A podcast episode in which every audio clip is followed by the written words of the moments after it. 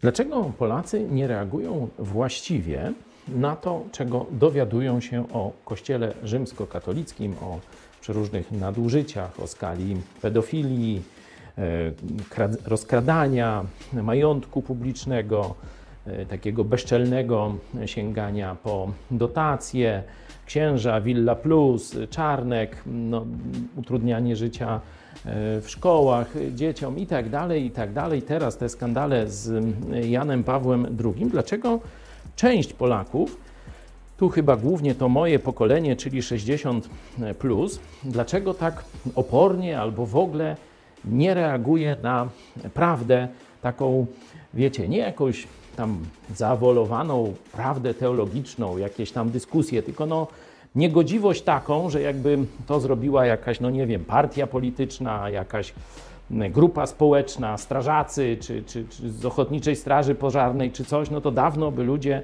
w jakiś sposób no, chcieli likwidacji tej organizacji, czy tam nie, nie korzystali z jej usług, czy, czy coś takiego, a tutaj y, co niedziela, pomimo tej wiadomości, jaka jest prawda o Kościele, oni w jakiś sposób puszczają to mimo uszu i idą dalej do kościoła. Myślę, że tutaj trzeba by pokazać analogię z komunizmem, gdzie była tylko jedna partia. Jeśli była jedna partia, to szczególnie za Stalina było to takie wręcz no, aż upiorne, że Stalin tych swoich oddanych komunistów skazywał na rozstrzelanie, a oni y, umierając przed plutonem egzekucyjnym krzyczeli niech żyje tam komunizm, niech żyje towarzysz Stalin i, i tak dalej, i tak dalej. Po prostu mieli wbity dogmat, że jest tylko jedna partia i jeden komunizm i nie można z tym dyskutować, są tylko błędy i wypaczenia. Przeciętny katolik myśli o Kościele dokładnie podobnie, że jest tylko jeden prawdziwy Kościół.